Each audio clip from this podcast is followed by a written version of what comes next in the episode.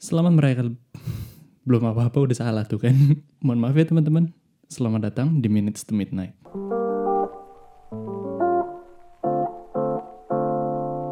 Gak kerasa udah satu bulan penuh kemarin kita menjalani ibadah puasa. Uh, emang sih puasa kali ini sedikit lebih berbeda dari puasa bulan-bulan sebelumnya atau tahun-tahun sebelumnya gitu kan. Nggak cuma puasanya aja yang beda, tapi ambience-nya beda, feel-nya beda. Tapi di samping itu semoga kita juga menjadi pribadi yang berbeda, menjadi pribadi yang lebih baik lagi dibanding pribadi yang sebelumnya. Sebelum melanjutkan episode ini, gue mau bilang selamat lebaran, selamat Idul Fitri bagi kalian yang merayakan. Mohon maaf lahir batin, mohon maaf kalau gue ada salah kata ataupun salah perbuatan di mata kalian. Semoga kita semua diberikan yang terbaik tahun ini dan tahun-tahun berikutnya dan menjadi diri yang lebih baik lagi.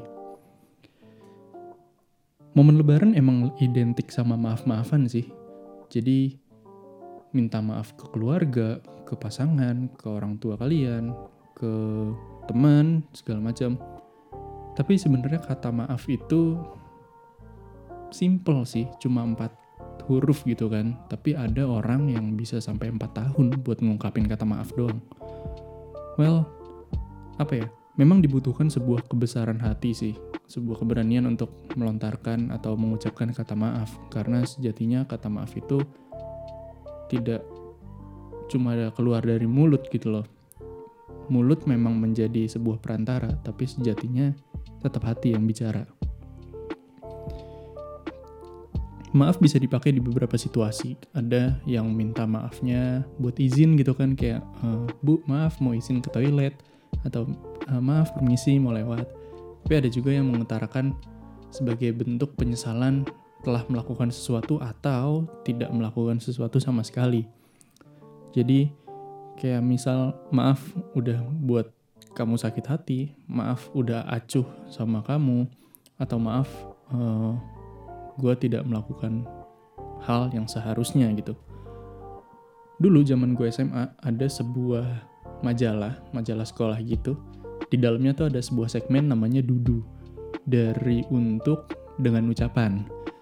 Nah, di segmen itu banyak banget orang-orang yang nulis hal yang nggak berani diungkapin secara langsung ke orang lain makanya dia apa menggunakan media si Dudu ini untuk nyampeinnya jadi misal dari, dari katakanlah darinya dari gue gitu dari gue untuknya tuh inisialnya macam-macam ada yang nulis uh, inisial namanya atau nama panggilan atau ada juga yang aneh-aneh kayak buat kamu yang di kelas A absen nomor 37 misal atau buat kamu yang di kelas B yang duduk di pojok belakang ada juga yang kayak gitu Nah, ternyata yang ada di dalam situ nggak cuma apa ya? Nggak cuma biasanya kan yang buat ini kalau lo lagi suka sama orang atau lo lagi suka sama kakak kelas lo, suka sama gebetan, lo nggak berani ngungkapin langsung, akhirnya lo lewat perantara dudu gitu kan. Tapi ternyata ada juga orang yang minta maaf lewat situ. Mungkin dia belum berani untuk menyatakan maafnya secara langsung gitu ya. Jadi dia mikir bahwa kayaknya uh, eh, gue minta maaf lewat dudu dulu deh syukur-syukur si orang ini baca gitu tapi memang alangkah baiknya ketika lo minta maaf langsung sama orang ya memang butuh kebesaran hati kayak yang tadi gue bilang tapi semoga lewat dudu itu menjadi langkah awal keberanian lo untuk minta maaf ke orang lain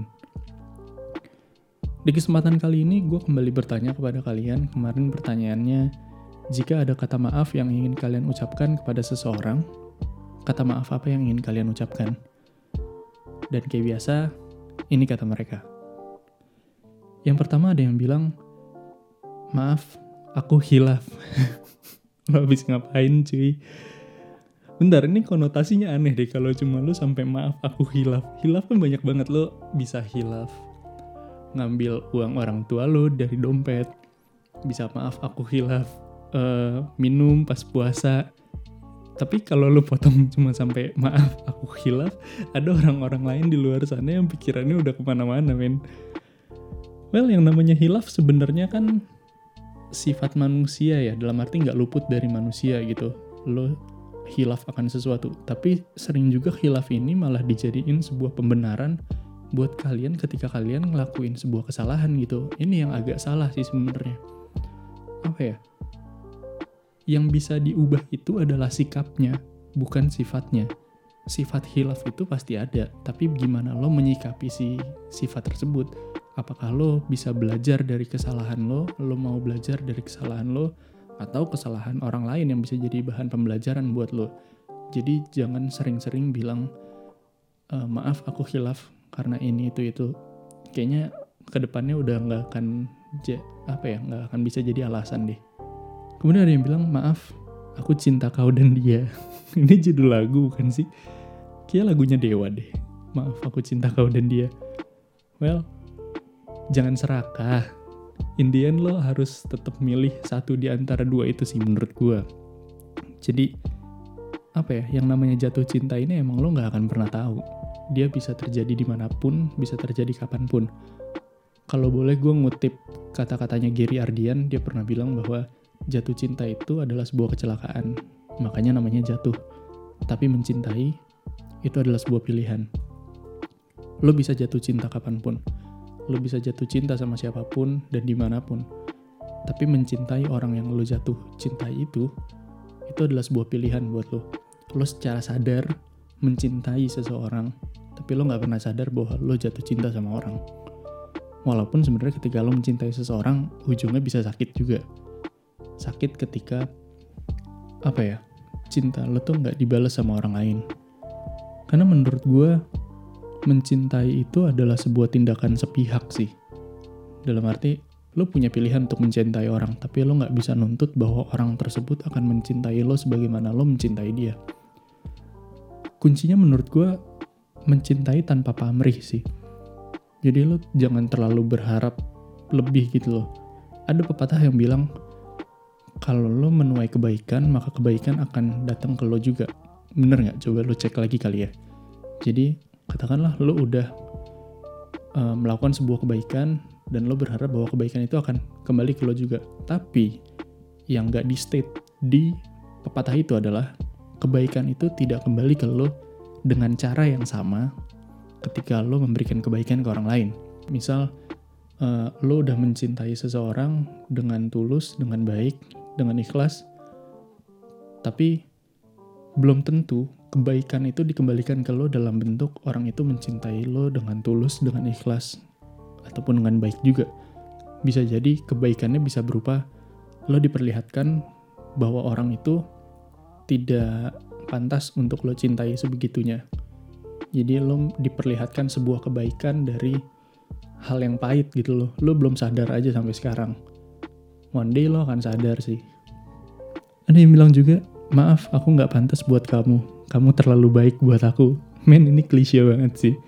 Ini uh, gue nggak tahu ya lo masih bisa putus apa enggak dengan kata-kata kayak gini. Tapi uh, ini nggak nggak nggak jauh lebih baik dengan alasan maaf kita putus karena aku mau fokus UN. Aneh sih kayak apa ya?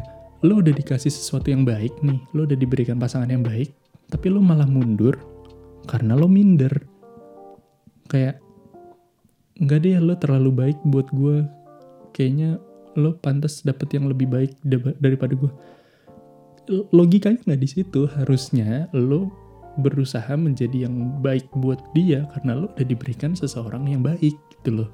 Jangan malah ketika dia udah jadi orang yang baik, lo nya malah mundur. Kan harusnya nggak gitu gitu dong. Lanjut lagi ada yang bilang, maaf dulu menghindar dari masalah dan gak berani cari solusi bareng. Sering sih terjadi emang. Apa ya, ada yang bilang ke gue kalau masalah itu memang harus diomongin untuk mencapai titik tengahnya gitu. Semua masalah itu pasti bisa diomongin tapi ketika sebuah masalah itu terjadi, sebuah kejadian terjadi, wajar ketika emosi itu main peran lebih dulu dibanding dengan logiknya. Jadi kalian uh, apa ya? Ketika terjadi sesuatu, si emosi ini akan naik duluan. Misal kejadian nih, terus lo akan bilang, kayaknya nggak kayak gitu deh, dalam bentuk denial gitu ya jadi denial menurut gue adalah sebuah emosi juga. Kayaknya nggak kayak gitu deh, nggak mungkin deh itu kejadian. Tapi setelah beberapa waktu akhirnya lo baru mikir, mungkin gak ya hal itu kejadian? Mungkin gak ya hal tadi itu kejadian? Jadi dari situ baru lo bisa kembangin, baru lo bisa omongin bahwa cari titik tengahnya di mana agar masalah ini selesai gitu. Hal yang kayak gini tuh nggak bisa dihindarin menurut gue. Emang harus dihadapin sih. Karena lo nggak bisa terus-terusan lari dari masalah gitu. Sampai satu titik lo emang harus menghadapi sebuah masalah untuk mencari jalan keluarnya.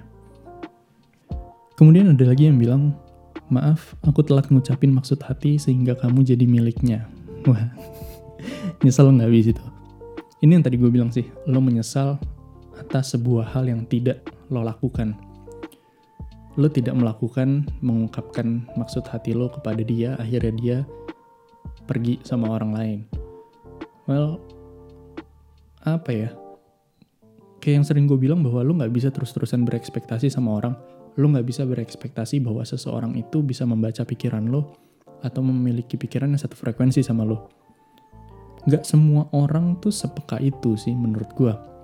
Termasuk gue, gue adalah bukan orang yang peka. Jadi kalau ngomong sama gue better, lo ngomong to the point. Jadi gue sama lo tuh punya satu frekuensi yang sama dan kita nggak ada kesalahpahaman. Tapi emang untuk ngungkapin isi hati lo tadi itu emang butuh momen sih gue akuin. Uh, ketika lo nggak dapet momennya atau lagi nggak di momennya kemudian lo ngomong itu yang ada cuma dianggap angin lalu atau malah jadi bercandaan doang. Tapi kalau kelamaan mikir juga kayaknya enggak deh.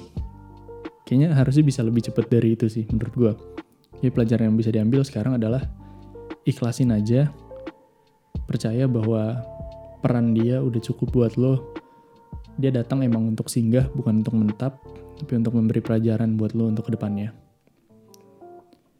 terakhir ada yang bilang maaf aku belum bisa banggain orang tua. Ini berat sih.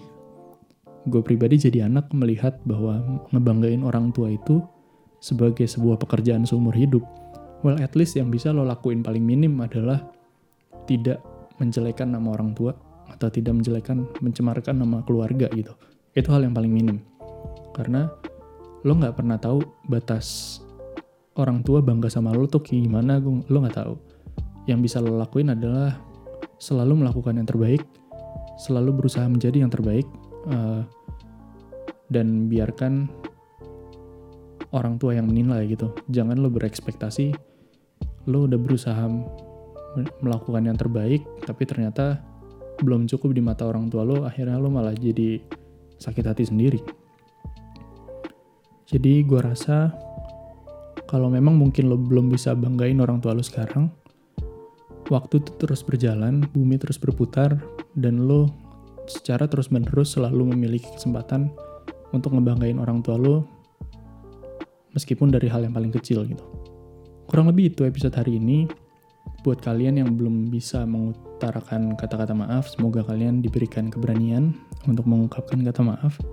Dan kalian yang sudah dimintai maaf, semoga kalian memiliki kebesaran hati untuk menerima maaf tersebut. Terima kasih sudah meluangkan menit-menit kalian untuk mendengarkan episode ini, dan sampai jumpa di menit-menit berikutnya.